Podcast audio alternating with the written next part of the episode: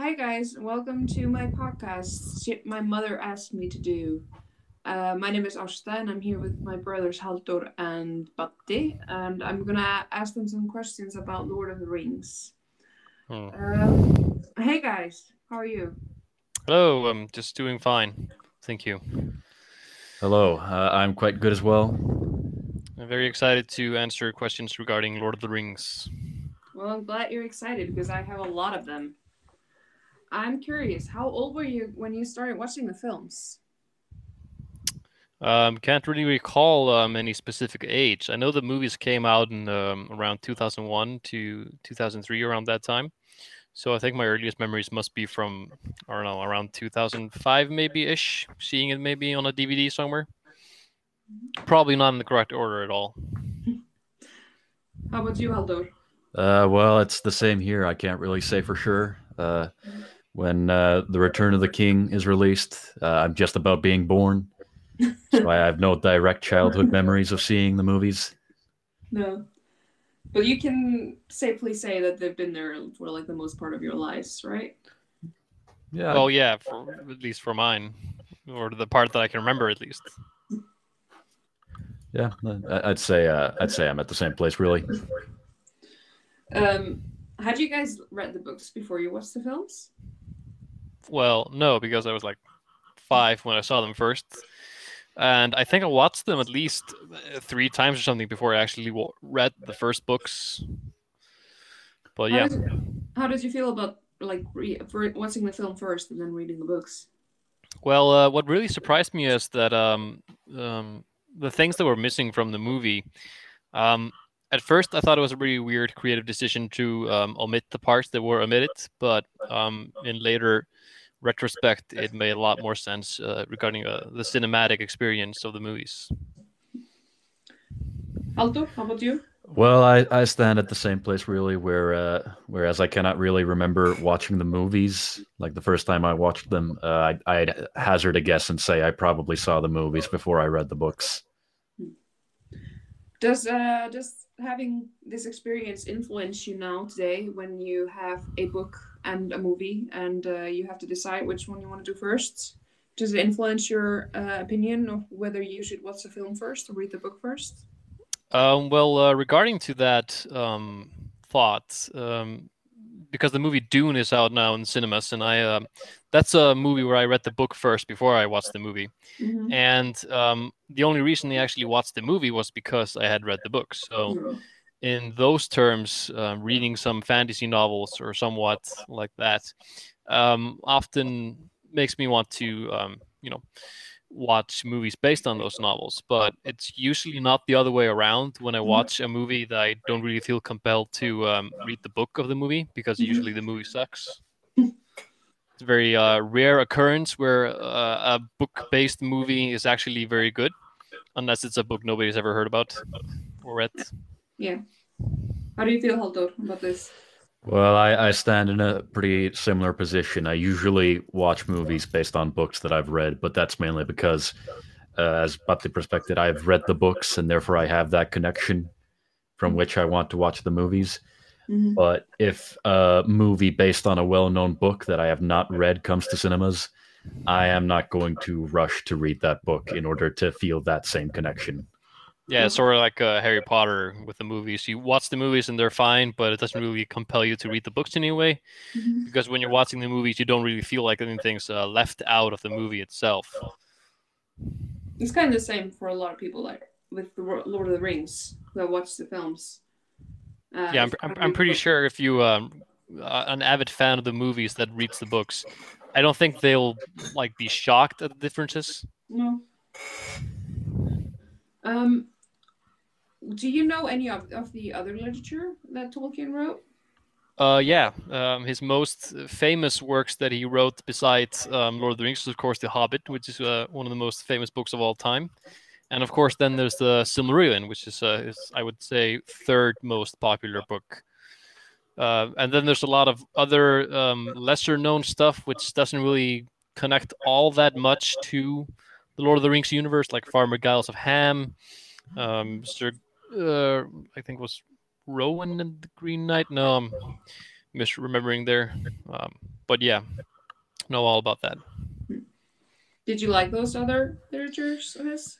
Well, um, they're very different, all three of them, in their own regards, because The Hobbit is originally written as a uh, children's book for his kids, and The Lord of the Rings is really just a um, continuation of that story by his publisher. So it's like just really written because his publisher wanted to make more books. And The Silmarillion is very different to both of those books because it's like his um, preamble to the world he had created for The Hobbit and The Lord of the Rings. And it was so different in fact that the publishers didn't even want to uh, publish that book until after he died. To make more money i guess? Um actually i think it was christopher tolkien's um, incentive in that regard because um, he's um, his son which has mm-hmm. um, taken care of his publishing work after his father's death because mm-hmm. um, tolkien did write a lot of things didn't publish them all mm-hmm. and so tolkien has really been the one who um, took and compiled all that.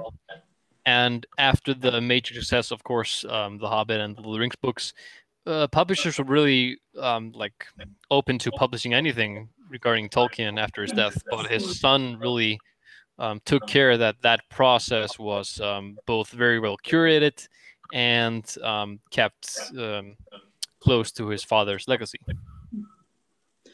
Uh, I can hear you talking about his uh, son, so I can assume that you uh, introduce yourself to his life, his stories.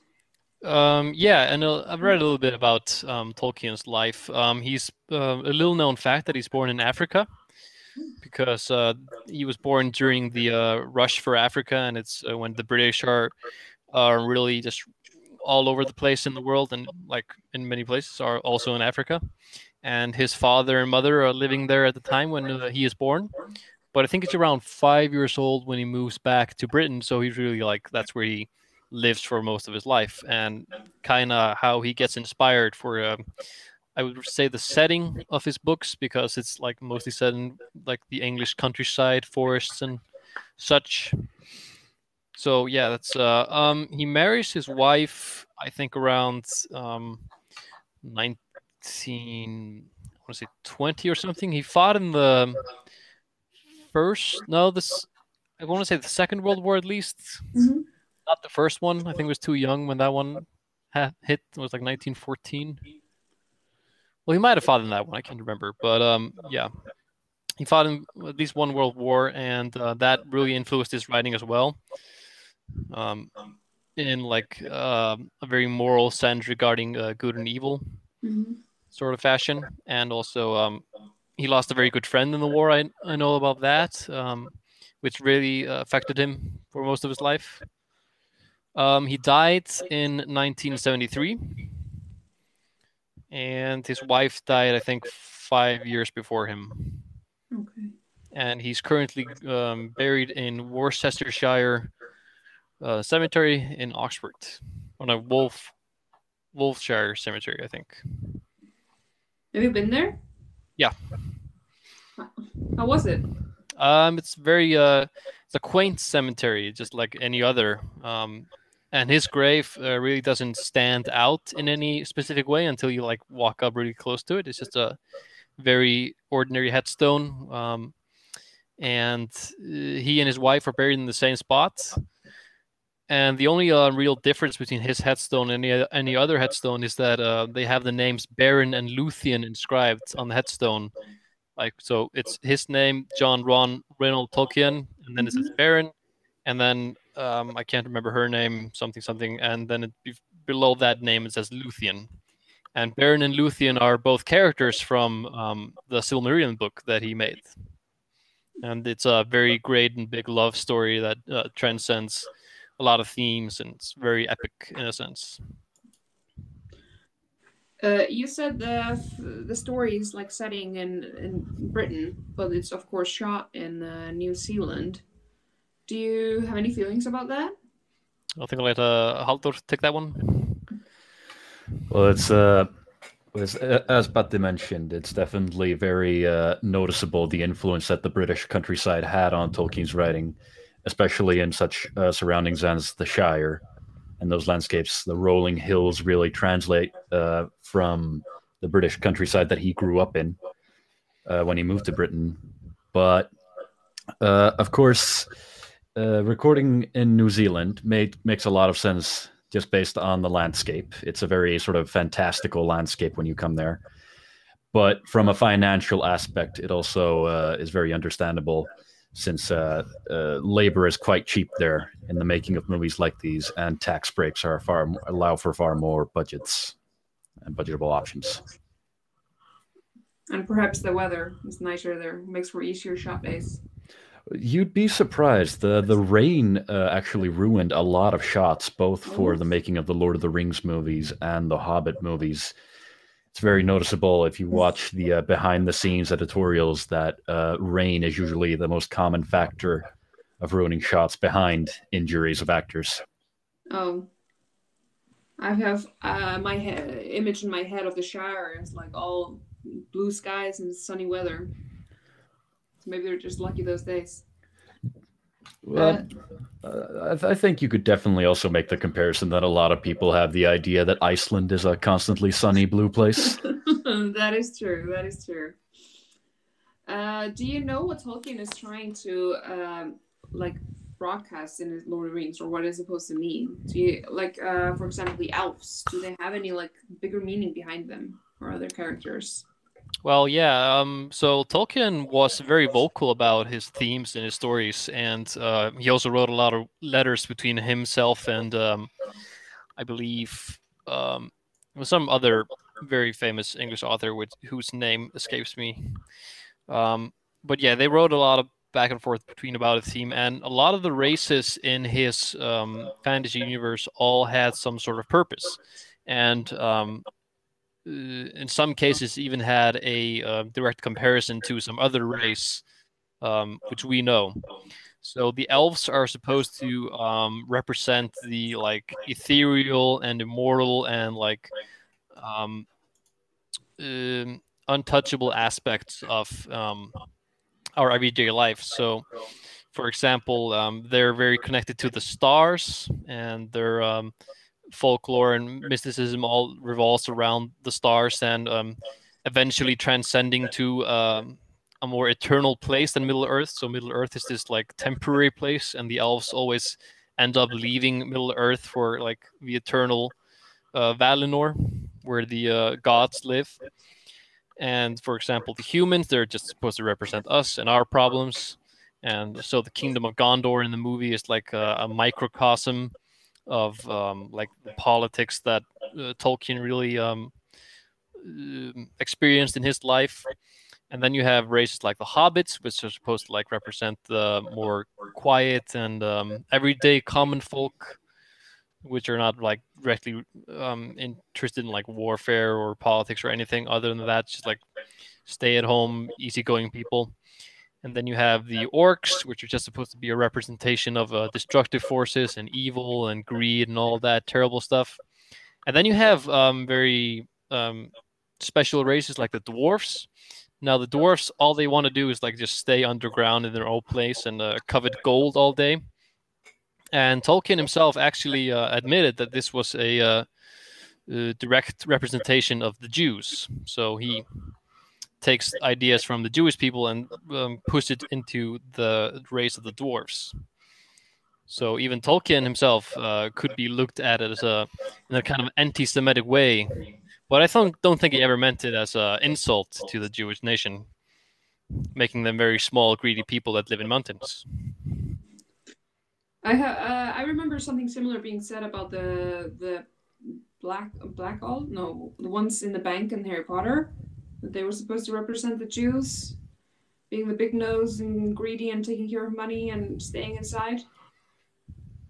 So maybe she got it from him, or is this well, something that just the literature world has in common? Or like, well, the, the, the difference maybe between J.K. Rowling's um, um, representation and Tolkien's representation, representation is that Tolkien himself like directly admitted in a radio interview that the dwarfs are supposed to be Jews. Mm. Like it, it wasn't like beating around the bush or anything like that. It's just he straight up mm. just said it in a radio interview. And as a matter of fact, he said it. It says like nothing out of the ordinary for him. Um, and uh, to talk about something else, are uh, I heard there's some new Amazon TV shows about Lord of the Rings. Do you have anything about that? Uh, Halldór? Well, uh, it, it's hard to form an opinion when you know very little about it. We know it's uh, meant to take, I believe, is it not, but they're supposed to uh, directly take from the Silmarillion and the events that occur in the history of the shaping of Middle Earth? So, as far as I understand, it's supposed to be like the latter part of the Silmarillion. So, regarding uh, Numenor and the um, um, sort of the beginning of the peoples of Gondor and all that, like more relatable stuff, because we know that Aragorn in the movies he's like a Numenorian, and we don't really know anything about this Numenor place except for what is said in the Silmarillion. But all we really know for sure is Gandalf is in it. It costs a lot of money, and it's gonna be very, very epic, according to Amazon. Okay. And yeah, Amazon is making it, so I don't know what to make of make of that. But uh, if that goes well, would you like to see more seasons, more TV made stuff from his works, or what would you like to see for the future of the Lord of the Rings and and the other stuff by Tolkien? Uh, Halldór? Well, it's hard to say because when I first heard they were adapting uh, parts of the Silmarillion for TV, I thought it might escape mass appeal since the Silmarillion as a book is not usually included when people talk about how much they enjoy Tolkien's works. They usually reference the fact that they like The Hobbit, they like The Lord of the Rings, they like the books and the movies. But usually, when you go further into things such as The Silmarillion and the Unfinished Tales, that's where mass appeal drops. I think it would definitely be interesting if they move onwards and try to adapt uh, uh, works such as the Unfinished Tales and the Silmarillion but I do think you also risk the uh, you run the risk of over adapting in favor of like running a name into the ground for money.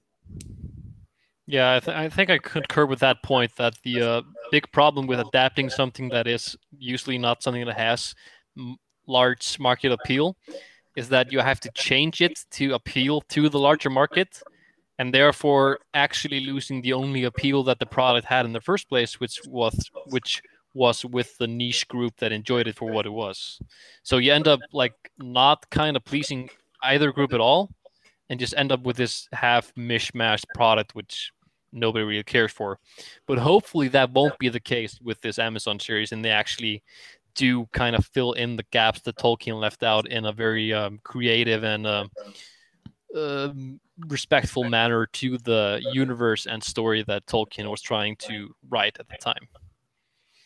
But for the future of like the entire Tolkien, um, like I, I would say, estate and his writings and his works, um, I would only say that I hope it enters the public domain soon, so that the adaptation and um, care of these um, stories and these characters are no longer under the um, like oppressive control of just like giant corporations and machines that are capable of producing anything for it, and we can finally start enjoying it for the uh, communal product that it should be today, because it's such a long time since any of it was made, and I would like to see it like shared amongst the people.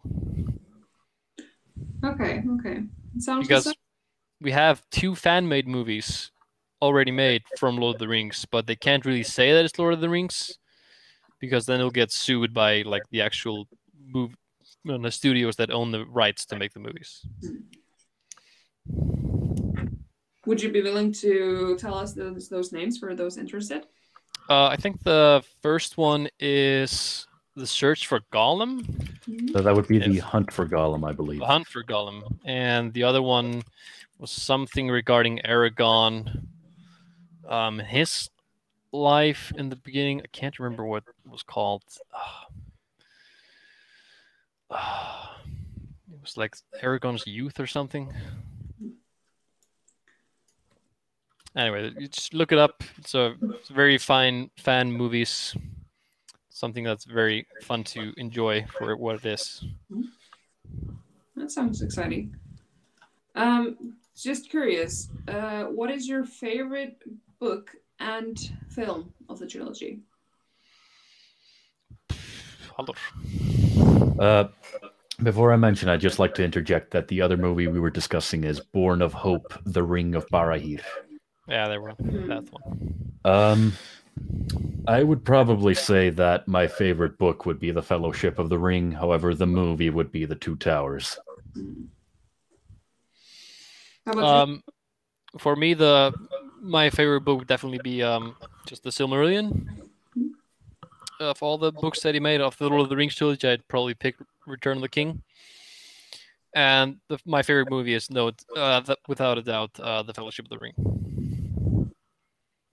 And uh, what is the most memorable moment from Lord of the Rings in your minds? Halldór? Uh, wow, that is a loaded question. Uh, um, uh, but have, have you got something? Well, a couple of scenes come to mind. Um, I would so say the most uh, memorable scene, probably movie-wise, uh, regarding to like uh, composition, shots, um, dialogue, action, acting, all that is probably the Battle of Helm's Deep, because it's a very well shot, edited, and the special effects and everything is just very, very, very great cinematic experience from beginning to end for the small time that it takes. But in regards to like memorable moments uh, to the Lord of the Rings story itself, it would probably have to be um, when Frodo decides to take the ring to Mount Doom. So when they're at the Council of Elrond and they're all bickering about who gets to take the ring, and Frodo steps on like, "I'll take the ring." Like all these most powerful figures of the entire world are around them, and they can't agree on a single thing. And then this small, quaint little creature that really just hasn't known anything except for his quiet little Shire home steps up and becomes a bigger man than all of them at once and says, I'll do the thing that none of you want to do. Yeah. Halldór, did you answer this already? Uh, no. Uh, in in terms, if I would have to pick, probably sort of the most memorable uh movie scene on a whim, it would probably be during the Battle of Helm's Deep when the character Haldir looks around and uh, realizes that all of his uh, compatriots have fallen, and it uh, it, it, it it's uh. I always interpreted it as a very harsh moment of realization for an immortal being having to witness everyone around him die in a more like I don't know how to put it in a more literal sense because that is the curse of the elves. They are born to watch all that they love around them die. That is why they tend to be so isolated. But to watch those even who are immortal fall around him, I can imagine it must really strain sort of uh, who he is as a being. Yeah, I can imagine. Um, I'm sitting in in Haldor's room and uh, not with him, but uh, by myself. And there is a quote on the wall here that I want to read to you and get your thoughts about. Uh, all that is gold does not glitter. Not all those who wander are lost. The old that is strong does not wither. Deep roots are not touched by the frost. From the ashes a fire shall be woken. A light from the shadows shall spring. Renewed Before be shall the blade. blade that was broken, the crownless again shall be king. Yes, J.R.R. Tolkien. Where is Yes. it from, and how do you feel about this? This is the riddle of Strider. So it's a song um, or a riddle, I think, that was um, made in Rivendell, which is the home of the elves, where Aragorn is uh, raised. Mhm. And the poem itself um, is about um, Aragorn's um, birthright to the throne of Gondor and um, his birthright to the swords. Um, uh, can't remember the name of the sword. Uh, Narsil. not Narcilius. That's the one. So it's just talking really about how you can't really escape your birthright or your destiny in a way, and how these things, um, no matter how like desolate and destroyed they seemed, they can always be like renewed and rise again. Like a broken kingdom or a broken home or a broken family, just anything can be re- reforged and made if it has the uh, destiny to be reforged and remade. Yes. Halldor, do you have any thoughts? Yeah, I would like to uh, build on that. Uh, as the as the stanza, a couple of lines in the stanza, as uh, such as "All that is gold does not glitter," in this uh, context applies to Aragorn's birthright, but I feel it can also mirror the meaning that Tolkien uh, mentions a lot in his works, which is that it is not necessarily always the actions of the great good that uh, defeats the evil. Sometimes it is the actions of the small people, the the people every day. I think that's very telling in the way that a hobbit, a, a small person, a peaceful creature, is the one who eventually destroys the One Ring, an artifact of uh, evil and such proportions that a normal person couldn't really wrap their mind around the concept. But yet, uh, some uh, some creature like a hobbit is ultimately the deciding factor. And I think I think that's a very strong point that you don't have to be a king of good to uh, defeat the forces of evil. It's all right to just be an everyday normal person, so long as you do just some small actions. That's the, what matters. Well, that is very beautiful. I think uh, I would like to end it on these very, very nice notes. I would just. Do you have any other final thoughts? Um, no. Um, boycott the Hobbit movies. They're terrible. That's all, everything I have to say. Uh, don't give any money to Peter Jackson. That's it. Yeah. Halldor? Uh, you can find me on most social media accounts under the name Halldor Birgir Eital. Uh, please don't send me messages. I will block you. Well, thank you so much. That's all we have time for today.